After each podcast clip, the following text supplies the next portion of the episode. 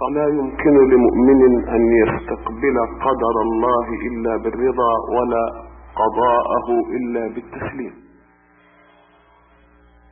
وتلك ميزة الإيمان الأولى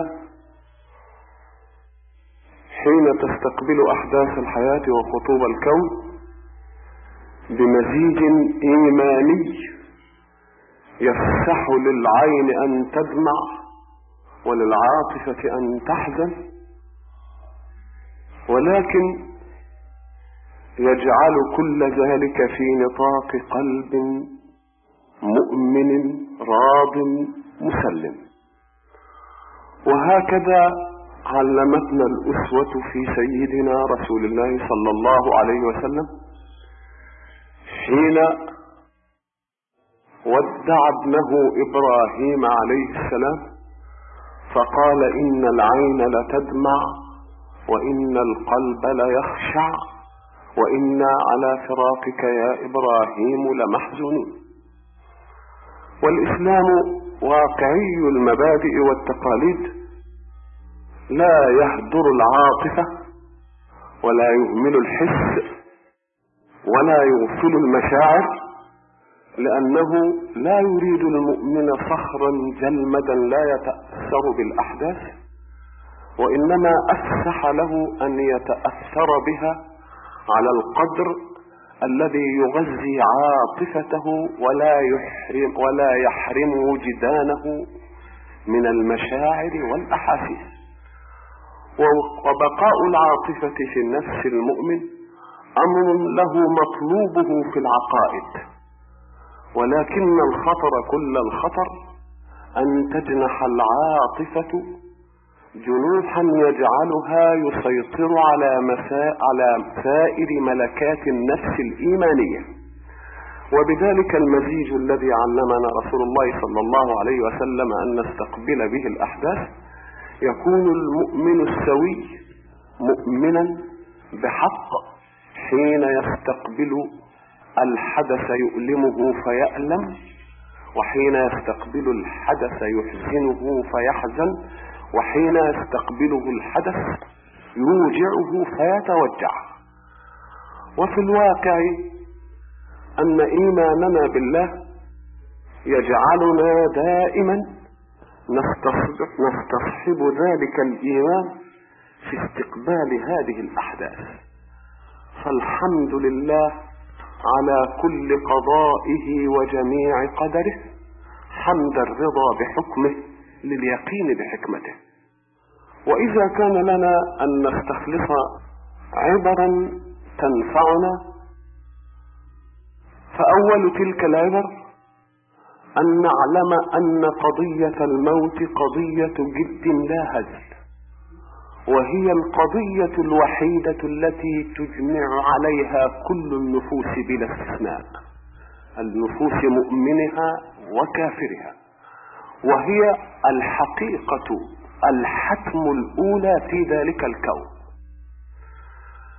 ولذلك نجد الحق سبحانه وتعالى حينما تكلم عن قضية الحياة والموت لم يتكلم عليها بمقتضى واقعها في نفوس الناس ووجود الكون بل قدم الموت على الحياة في الخلق. فقال خلق الموت والحياة. حتى نستقبل الحياة ومعها نقضها. ولا نستدبر الموت ومعنا سبقه فقبل أن تنعم بقضية الحياة يجب أن تتذكر قضية الموت. فالحياة ليس لها من خطر في وجود الإنسان وعمره إلا بقدر ما تهيئ له أسبابا يركن إليها حينما يفجأه الموت. هذه المسألة حينما تنقدح في ذهن المؤمن يجد أن الموت قضية خير في الوجود. وإن ألفها الناس قضية شر. لماذا؟ لأننا إذا نظرنا إلى الإنسان وجدناه إما خيرا وإما شريرا. الخير يفيد المجتمع منه والشرير يضار المجتمع به.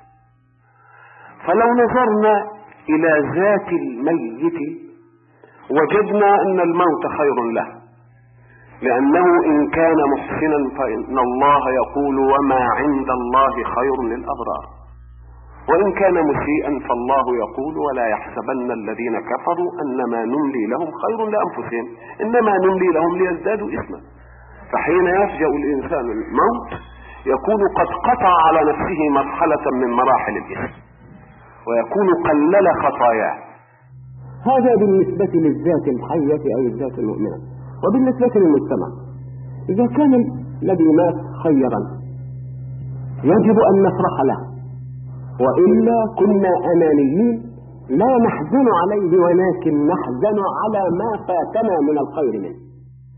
لأنه ما دام خيرا فقد وثقنا بحسن استقبال الله له. وماذا يدورنا في إنسان عمل صالحا أن يعجل له الله أسباب الجزاء على ذلك العمل الصالح؟ حين نحزن عليه لا نحزن عليه وإنما نحزن على نفوسنا لما فاتنا من الخير منه. وإن كان شريرا فما الذي يزعج الدنيا أن تفقد شريرا من أشرارها؟ إذا فقضية الموت قضية خير دائما. وحين ينظر الإنسان إلى الفجيعة في أي ميت يجد الفجيعة تتمثل فيه بقدر النفع منه فالخصب الواحد يعلن ويذاع فيستقبله الناس استقبالات شتى. كل واحد يستقبل الخصب على مقدار ما فاته من النفع. فهذا يكتفي بأن يقول إنا لله وإنا إليه راجعون. ويستأنف حركته وحياته وعواطفه وسروره إن كان في سرور. وواحد يزيد على ذلك فيدعو له بالرحمة ثم يستأنف حياته. وواحد يذهل وواحد يفجع وواحد تختل مشاعره وتختل حركاته وواحد يضطرب اضطرابا قد يخرجه عن منطق المنهج القويم من الدين فلماذا هذا؟ ساعة يأتي النعي لميت تكون النفس البشرية حين استقبال النعم قد استحضرت استحضارا سريعا. لا يمكن أن يوضع له مقياس سرعة كل ما فات الإنسان من ذلك بموت هذا. وعلى ضوء ذلك الرصيد في النفس البشرية يكون الانفعال للفجعة فإذا نظرنا إلى إنسان رب أسرة ووجدنا له أولاد واحد أصبح رجلا وأصبح فارغا من مهمة الحياة لأنه سلح السلاح الكافي وأصبح له بيت وله زوجة وله أولاد. وواحد له ذلك ولكن ينقص أنه لم يتزوج. وواحد لا يزال في مرحلة التعليم. وواحد لا يزال صغيرا. كل هؤلاء يستقبلون الخطب.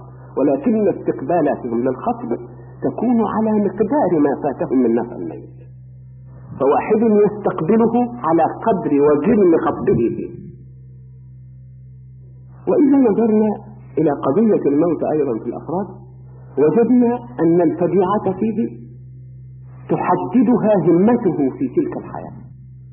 فإنسان عالة لا همة له حتى بالنسبة لنفسه لا يحزن عليه أحد. وإنسان له أهله ويسعى لصالحهم هم يحزنون عليه. وبقية الحي في شغل عن ذلك الخطر وإنسان خيره وهمته تعدت محيط أسرته ومحيط آله تعم الفجيعة. وإنسان في بلد وإنسان في أمة وإنسان في إنسانية. إذا فعلى قدر ما يكون من فرد من همة توسع دائرة رجولته ودائرة منفعته للناس يكون استقبال الناس لذلك الفضل. فالذي يحب أن تحزن له الدنيا وأن تلتفت إلى المصابين يجب عليه هو أن يوسع رقعة الذين يحزنون عليه. وذلك بتوسيع دائرة همته ودائرة نفعه ودائرة رجولته ودائرة مروءته. إن سره أن يشيع الناس بذلك الحزن. وإذا نظرنا نظرة أخرى وجدنا أن المجتمع حين يستقبل مثل ذلك الخط يكون له نفع عام.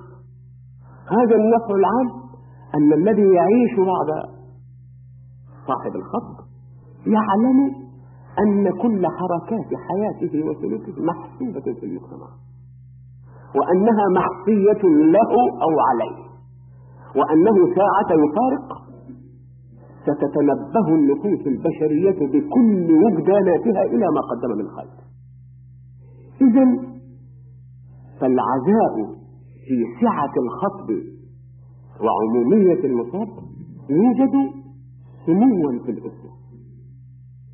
ومعنى وجود السمو في الأسرة أن الإنسان يقدر لذلك اليوم قدره. ومعنى تقديره لقدره أن يستغل فرص الحياة ليشيع نفعه على أكبر قدر ممكن. والذي يليه إن كان صاحب منصب. يعلم جيدا أن أيضا مجتمعه الذي ينصب فيه ذلك المنصب يحسب عليه كل شيء ويحسب له كل شيء. فحين يتنبه إلى مثل هذا لا شك أنه سيعدل من سلوكه ومن منهجه تعديلا يوسع دائرة النفع فيه ويقلل من دائرة الشر مهما أمكن حتى يحظى بمثل تلك الحفاوة التي قد يجدها الميت أوسع مما يجدها وهو حي. كل ذلك معايير تعطينا أن قضية الموت قضية أصيلة في الكون وهي الحقيقة المجمع عليها وهي في نفسها إن نظرنا إليها بمنظار الإيمان والتصديق قضية خير في ذلك الوجود. وإذا نظرنا نظرة أخرى وجدنا أن الله قد يعطي لكثير من الناس أن يعمروا تعمير ثم يسلبهم نشاط الحياة فيجعل من تعميرهم عالة على غيرهم حتى يصبح المحيط حول المعمر الذي فقد حركة الحياة والقدرة عليها تصير تبعة شاقة. فيتمنى هؤلاء أن يريحه الله. إذا وجود هؤلاء الذين نراهم بهذه الصورة ضرب نموذج والنماذج دائما تكون قليلة حتى لا يستقبل الإنسان قضية الموت ولا حقيقتها إلا استقبال من يعلم أنه أنه الخير. وأيضا يتنبه الإنسان أيضا إلى أن الله الذي خلقه وأمده بمقومات حياته وأمده بدين يحدد حركة هذه الحياة يجب عليه أن لا يضع ثقته كلها في من يموت. ولذلك يعلمنا الله وتوكل على الحي الذي لا يموت. فرب عظيم لفت الناس بعظمته لفتا يجعلهم يفتنون فيه وأن كل ذلك من ثمار عبقريته ومن ثمار رجولته ومن ثمار همته وبعد ذلك يفتن الناس بالسبب عن الموت. فيأتي الحق ليلفتنا ويخطف منا الخطفة حتى يشعرنا بأننا يجب أن يكون توكلنا على الحي الذي لا يموت.